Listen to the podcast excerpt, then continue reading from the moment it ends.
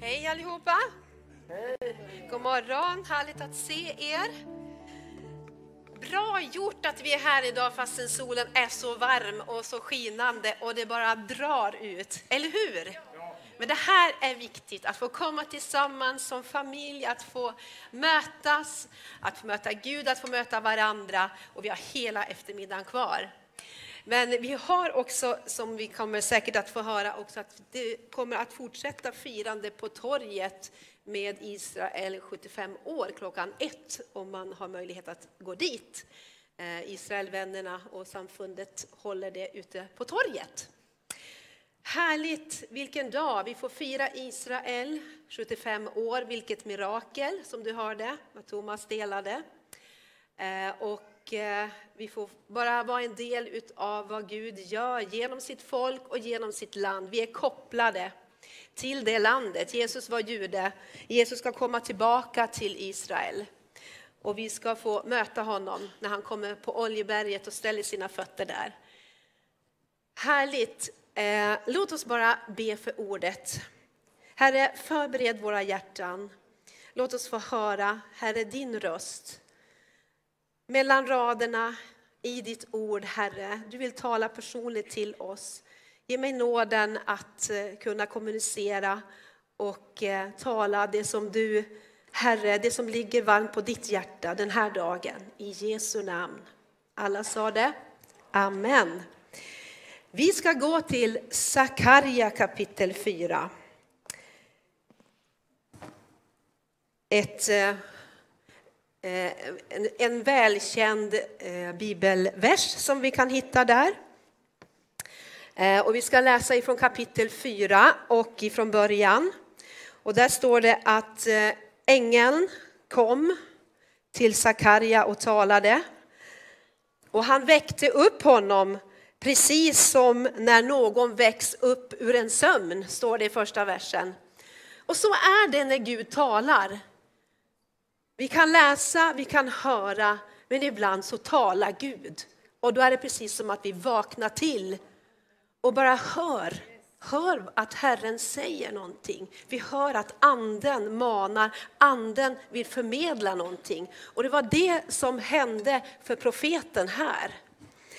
Eh, och eh, Gud sa, eller ängeln sa till profeten, vad ser du? Vad ser du? Och det är också eh, rubriken för den här lilla predikan idag. Vad ser du? Och eh, Sakarja eh, fick se en ljusstak med eh, oljeskrifter med, eh, och upp till med sju lampor. Det var olivträd som vajade bredvid den här ljusstaken. Och han svarade, jag ser en ljusstake helt av guld med sin oljeskål upp till och med sina sju lampor. Sju rör går till särskilda lamporna där uppe och två olivträd sträcker sig över den, ett på högra sidan om skålen och ett på den vänstra. Och jag frågade ängeln, vad betyder det här min herre? Alltså, vad är det jag ser? Jag fattar inte, jag förstår inte. Ängeln som talade med mig svarade, förstår du inte vad det betyder? Nej, min herre, svarade jag. Då sa han till mig, här är Herrens ord till Serubabel. Alltså Serubabel var ju ståthållaren. Varken genom styrka eller makt, utan genom min ande, säger Herren Sebaot. Det känner du igen va? Inte genom styrka eller makt, utan genom min ande, säger Herren. Vem är du, du stora berg? Inför Serubabel ska du bli jämnmark och han ska föra fram slutstenen under höga rop nåd, nåd över den. Och det här är ett bibelord som jag på något sätt, så fort jag ber för parken, så är det det här ordet som kommer upp mig. Herren ska föra ditt slutstenen. Det ska bli klart på den här platsen. Guds härlighet ska få komma hit. Och det här är liksom, ett, det är liksom mitt ord som jag använder när jag ber för den här platsen. Herren ska föra fram slutstenen. Och Herrens ord kom till mig, han sa det, Serubabels händer har lagt grunden till detta hus och hans händer ska också göra det färdigt. och du ska förstå att Herren Sebaot har sänt mig till er. För vem föraktar den ringa begynnelsens dag? Det gläds över att se murlodet i Serubabels hand, dessa Herrens sju ögon som far omkring över hela jorden. Jag frågade honom, vad betyder dessa två olivträd till höger och till vänster om ljusstaken? Och så fortsatte han med sina frågor. Amen. Så det här var ett möte som, eh, som kom till profeten och profeten fick tala ut det här ordet. Eh, och det här handlar ju om eh, att bygga upp ruinerna, att bygga upp templet som var raserat. Kommer du ihåg det fina templet som David började förbereda? Han samlade in eh, brädor, han samlade in liksom allt som behövdes för att förbereda för Salomo att bygga templet. Kommer du ihåg berättelsen? Är det någon som gör det? Ja, bra. Halleluja. Och eh, templet blev uppbyggt. Och när man läser i till exempel krönikeböckerna så ser man hur fantastiskt tempel det var. Och eh, det står att människor kom, drottning Saba kom från Egypten för att se rikedomarna, för att se det fantastiska bygget. Guld, silver, mäktiga tyger i olika färger. Det var helt fantastiskt. Men vad hände? Jo, om vi läser sista kapitlet i Andra krönikeboken så är det en sorglig historia. Och vi kan också läsa i många andra profetböcker och det är det som är så fantastiskt att hela Bibeln den hänger ihop. Profeterna profeterar från olika håll och allting sammanflätas.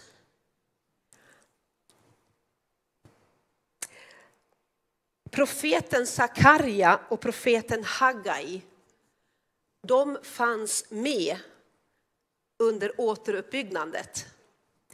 Och i det sista kapitlet i Andra krönikeboken så ser vi vad som händer. Kung Nebukadnessar, han gick våldsamt fram och han dödade och skonade inga unga män eller kvinnor.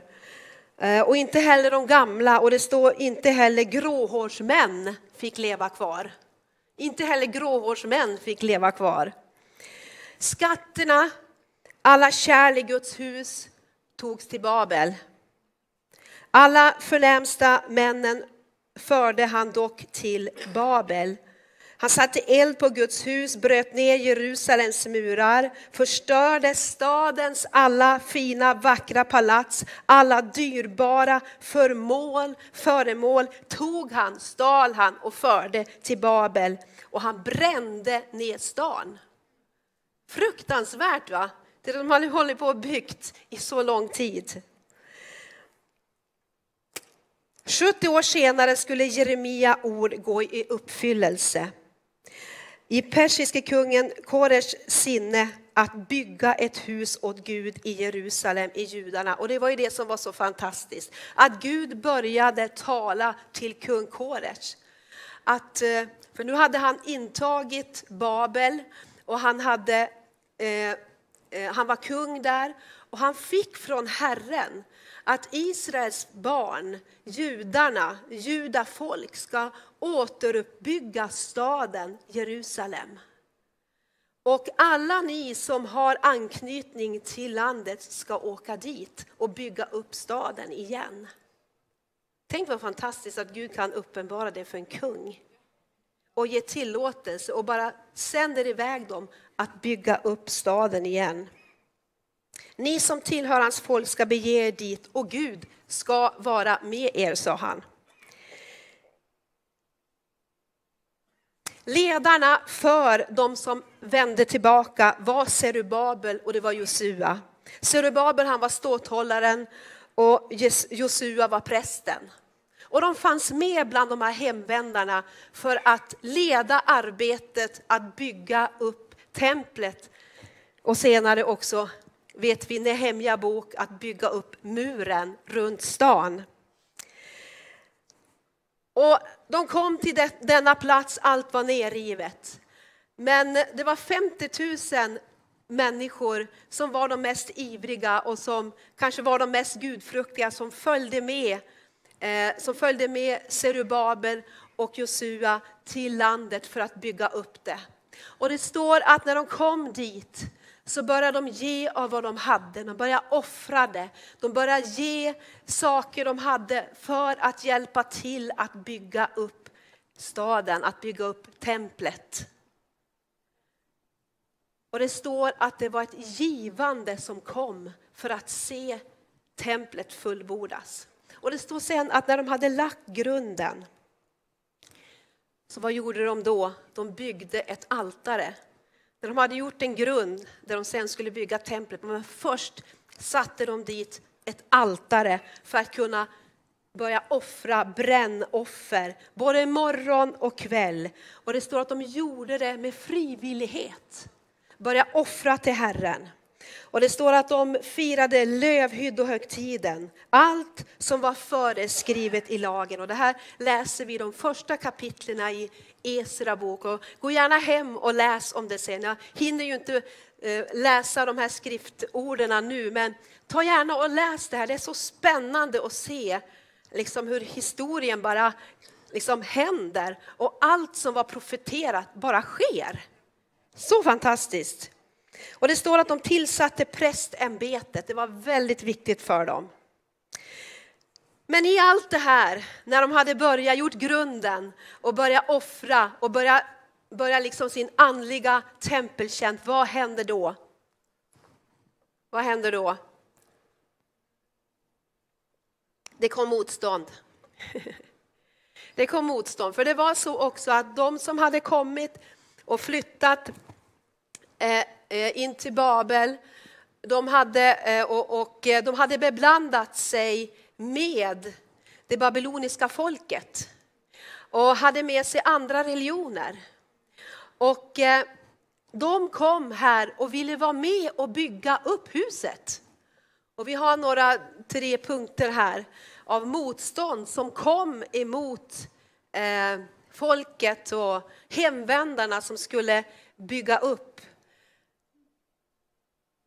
det var att de blev beblandade med, om vi säger utifrån vårt syn, synsätt, utifrån världen. Det var mycket olika saker som man ville ta in i Gudsstyrkan, i det som skulle byggas upp. Många olika influenser, många olika tankar. Och det blev inte som Gud hade sagt om de skulle bygga tillsammans med dem. Så det här var det ena motståndet. Det andra motståndet var att det slängdes ut modlöshet över dem. Och läs gärna om det här, modlöshet. Inte ska vi ni kunna bygga upp det här. Och de börjar med skrämsel, med fruktan emot dem. Inte ska väl, inte ska väl ni kunna bygga upp det här templet? Och det sista anklagelsen som, som man framförde var falska anklagelser mot ledarskapet, mot kungarna, mot de som stod i bräschen, de som var med och visade vägen. Det började anklagelser emot dem. Och hur, jag tänker utifrån vårt perspektiv, allt det här äh, slås ju vi emot i våra liv, eller hur? Att vi vill göra på vårt sätt. Om vi säger att bygga upp templet. Vi kan tänka bygga upp templet. Vi är templet, eller hur? Våra kroppar är ett tempel. Men jag tänker också det som Gud har kallat oss att bygga Kristi kropp, att bygga Guds rike, att bygga en plats för Guds härlighet som vi har bett för när det gäller den här platsen. En landningsplats för Guds härlighet. Amen. Mycket olika saker vill komma in, men vad har Gud sagt? Det kommer modlöshet, det kommer skrämsel, det kommer fruktan. Förakt mot den ringa begynnelsens dag som kommer emot oss, eller hur? Ska det bli någonting? Och det sista, falska anklagelser mot ledarna. Och hur vanligt är inte det i vårt land? Antingen så klagar man på sina föräldrar, så klagar man på sina arbetsgivare, eller man klagar på ledare i församlingen, hemgudsledare, pastorn, eller man anklagar på statsministern om vi hade annat styre. Man vill hela tiden lägga det på någon annan, eller hur? Det var det som hände här. Men vad hade Gud sagt? Arbetet stannade upp och låg ner ungefär i 15 års tid. Och sen så kan vi gå till Haggai 1. Eh, och från vers 8. Också en välkänd berättelse där det står så här, gå upp till bergen. Står det i Haggai, gå upp till bergen, hämta virke och bygg upp mitt hus. Så ska jag glädja mig över det och visa min härlighet, säger Herren. Gå upp till bergen. Gå upp till bergen och hämta virke och bygg upp mitt hus, så ska jag glädja mig över det och visa min härlighet, säger Herren. Ni väntade er mycket, men se, det blev lite. Och när ni förde hem det så blåste jag bort det. Varför, säger Herren Sebot? För att mitt hus ligger i ruiner, medan ni alla har brott med era egna hus. Åh, oh, jobbigt va? Jobbigt för de här människorna att höra det här. Och sen så står det vidare i kapitel 2. Vilka är kvar bland er från vers 4? Vilka är kvar bland er, Haggai 2, 4-10, som har sett detta hus i dess forna härlighet? Alltså, det fanns de som hade sett den forna härligheten. Det fanns människor som hade sett templet. Vilka av er i detta hus finns kvar? Hur tycker ni att det ser ut nu? Är det som ingenting i era ögon? Men var nu frimodig, Serubabel, säger Herren. Var frimodig, du överste präst Josua. Var frimodiga alla ni människor i landet, säger Herren. Arbeta, för jag är med er, säger Herren Sebaot. Det löftet gav jag er när ni drog ut ur Egypten och min ande är mitt ibland er. Var inte rädda. Så säger Herren Sebaot, inom kort ska jag än en gång skaka himlen och jorden, havet och det torra. Jag ska skaka om alla hedna folk och alla folkens skatter ska komma hit. Och jag ska fylla dess hus med härlighet, säger Herren Sebaot. Mitt i silvret, mitt i guldet, säger Herren Sebaot. Den kommande härligheten hos detta hus ska bli större än den förra, säger Herren Sebaot. Och på denna plats ska jag ge frid, säger Herren Sebaot. Och det här ordet är någonting som jag har bett de sista två veckorna. Att den härlighet som, eh, den kommande härligheten i det här huset ska bli större än det förra. Och Herren ska ge frid på den här platsen. Herren ska ge frid på den här platsen. Fortsätt arbeta men Herren ska ge oss frid. Amen. Amen. Halleluja. Jag vill bara uppmuntra dig att läs Hagai, läs eh, Sakarja, läs i slutet av krönikeboken och få det här sammanhanget. Jag tror att det här är någonting som Herren bara vill tala till oss om i det läge vi är i just nu, att bara fortsätta. För vi står också inför en konferens nu. Eh, vi tror att Gud har förberett mycket. Gud samlar sin här för att komma hit och be. Och Gud talar genom visioner. Guds språk är drömmar, Guds språk är visioner. Och det är därför som han gång efter annan säger, vad ser du? Lyft upp din blick och se att skörden har vitnat. Vad ser du? Det här bibelordet som vi, har, som vi lever i. Det är ännu fyra månader kvar. Det ser inte ut som det ska bli någon skörd.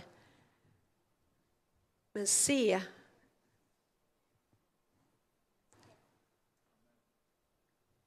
Skörden har vitnat. Amen. Ser vi det? Ett annat bibelord som vi har också levt i mycket.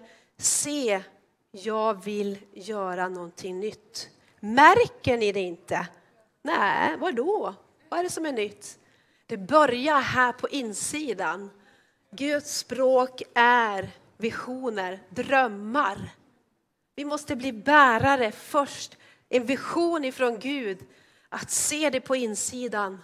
Och sen behöver vi be ut det. Be ut det vi ser för att liksom inta det, för att det ska få bli en verklighet. Det är bönens kraft, att se och att be. Amen för att se det fullbordas. Och det är det vi ska också göra de här dagarna under King of Kings, så vi tror att Gud har förberett någonting. Jag vill bara uppmuntra dig också i församlingen att vara med i det andliga skedet, för vi är en del utav det här. Av nåd så har bara Gud valt att vara på den här platsen, att att vi får vara en del och serva, vi får vara en del utav vad Gud vill, vad Guds rike har i beredskap i den här tiden. Amen. Amen.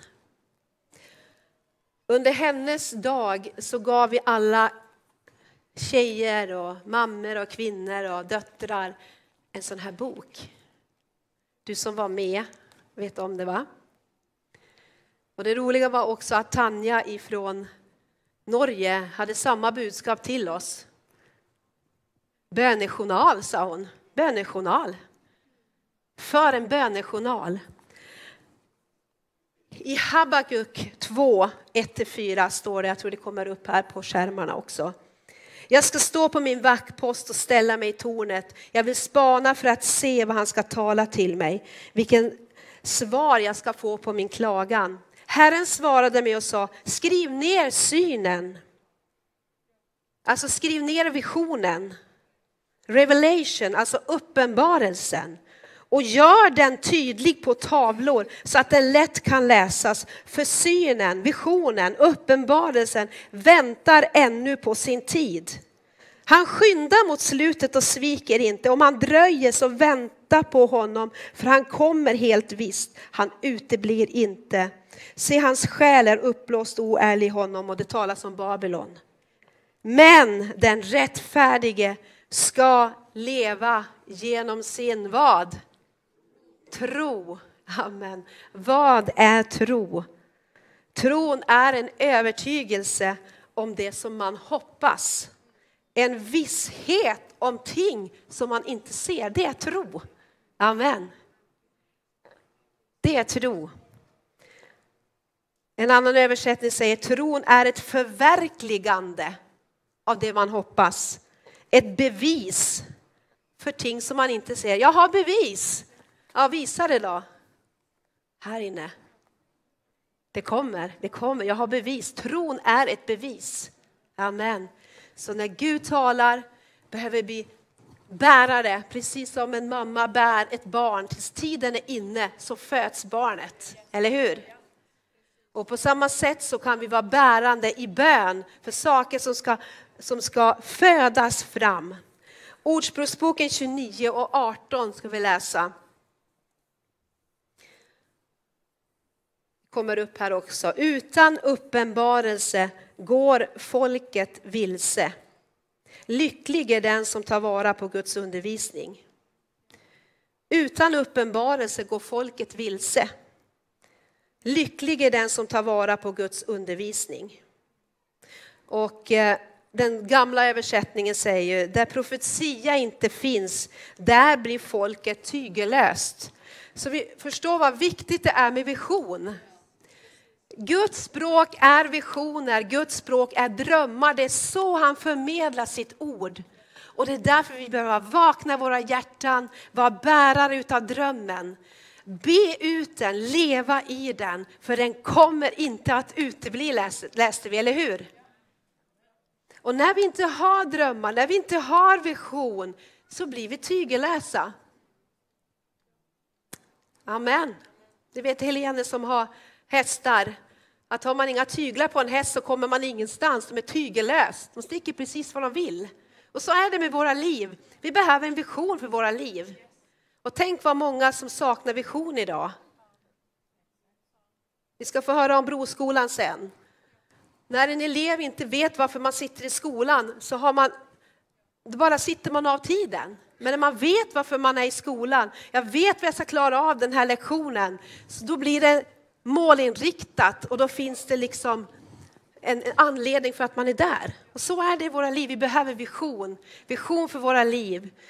Vi behöver en vision här i kyrkan. Vi behöver en vision som visar vägen. Amen. Några bibel, något bibelord till innan vi slutar. Andra Peterbrev kapitel 1, 19-21. Så mycket fastare står nu det profetiska ordet för oss. Och ni gör rätt i att hålla er till det som ett ljus som lyser på en dyster plats. Som ett ljus som lyser på en dyster plats. Där kan vi vara. En dyster plats. Tills dagen gryr och morgonstjärnan går upp i era hjärtan. Framför allt ska ni veta att ingen profetia i skriften har kommit till genom egen tolkning. Ingen profetia har burits fram genom någon människas vilja, utan ledda av den helige ande har människor talat vad de fått från Gud. Så det profetiska ordet, det lyser upp som en morgonstjärna på en dyster plats. Tänk vad ett ord från Gud kan förvandla en situation. Amen. Och Gud vill tala till oss, Gud vill ge oss vision. Gud vill få oss att lyfta blicken och se någonting mera.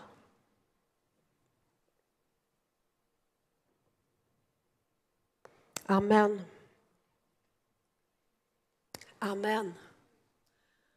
Thomas och jag vi har lyssnat en hel del på pastor John Guichou. Han är ju så härlig att lyssna på.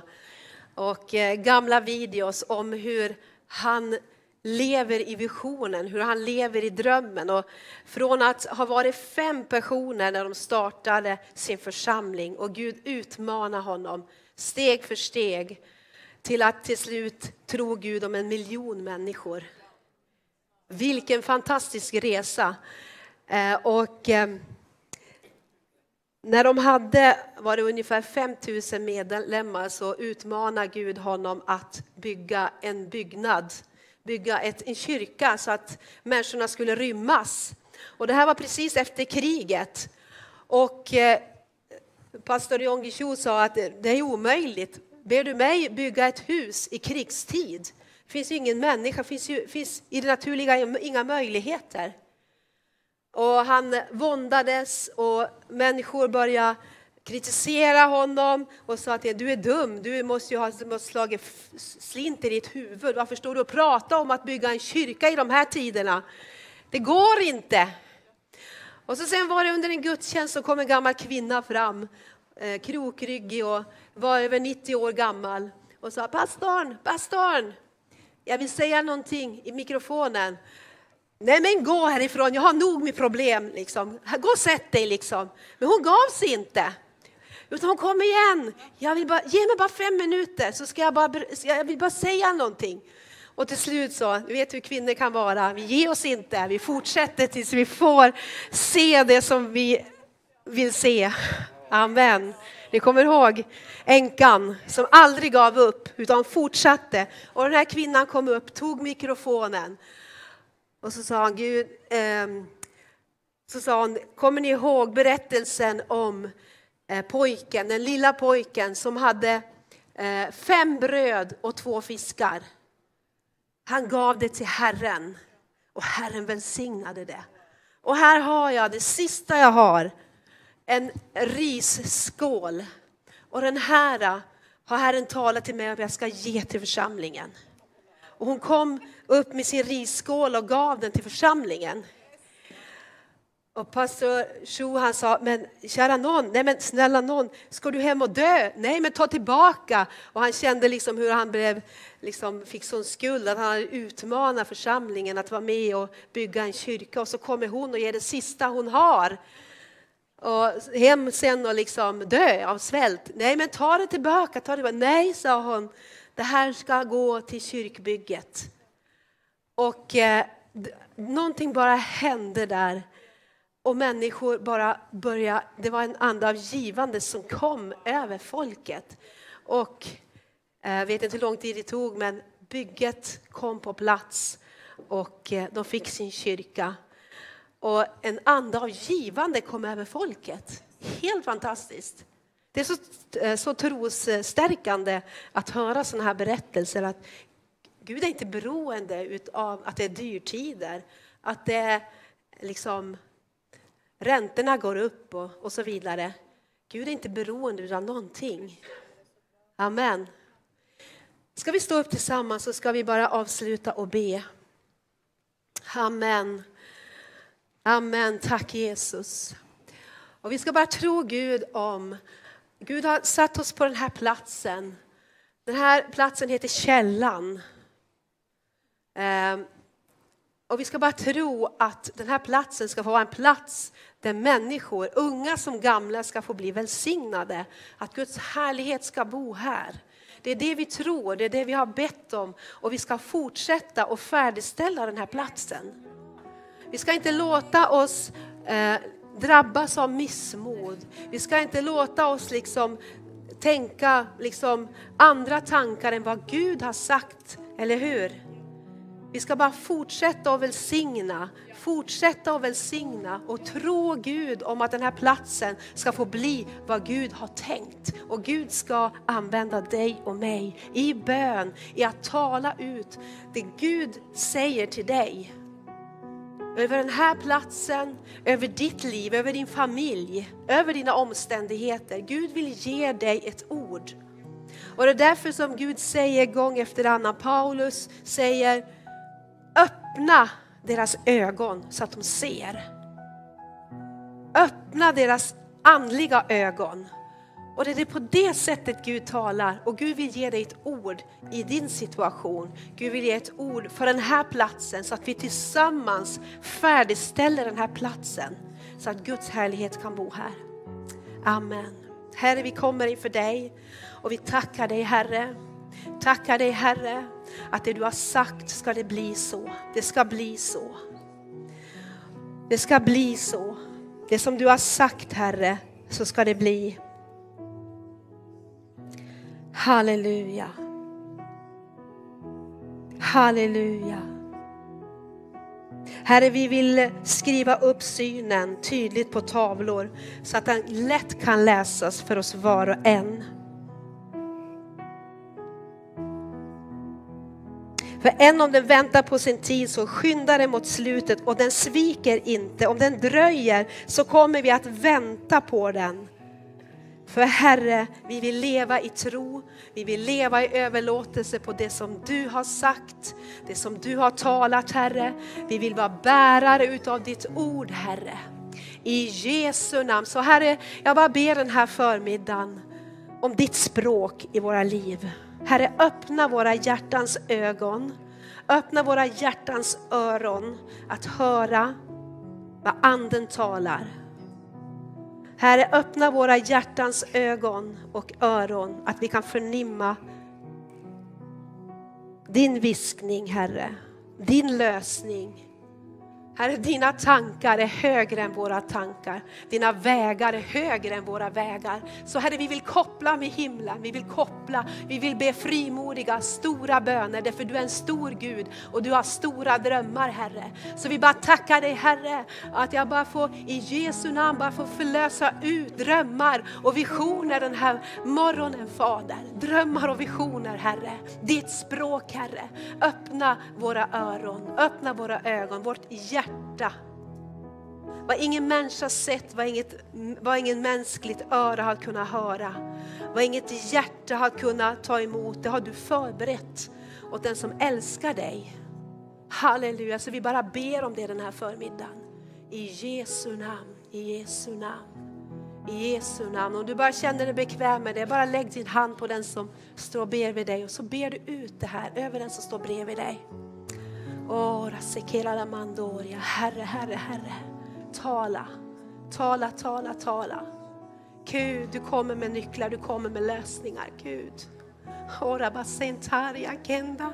Gud, Gud. Du säger lyft blicken, lyft blicken. Se. Obrantore besera mashantore sekeria sakaria. Åh Jesus, du är vägen, du är vägen, du är vägen.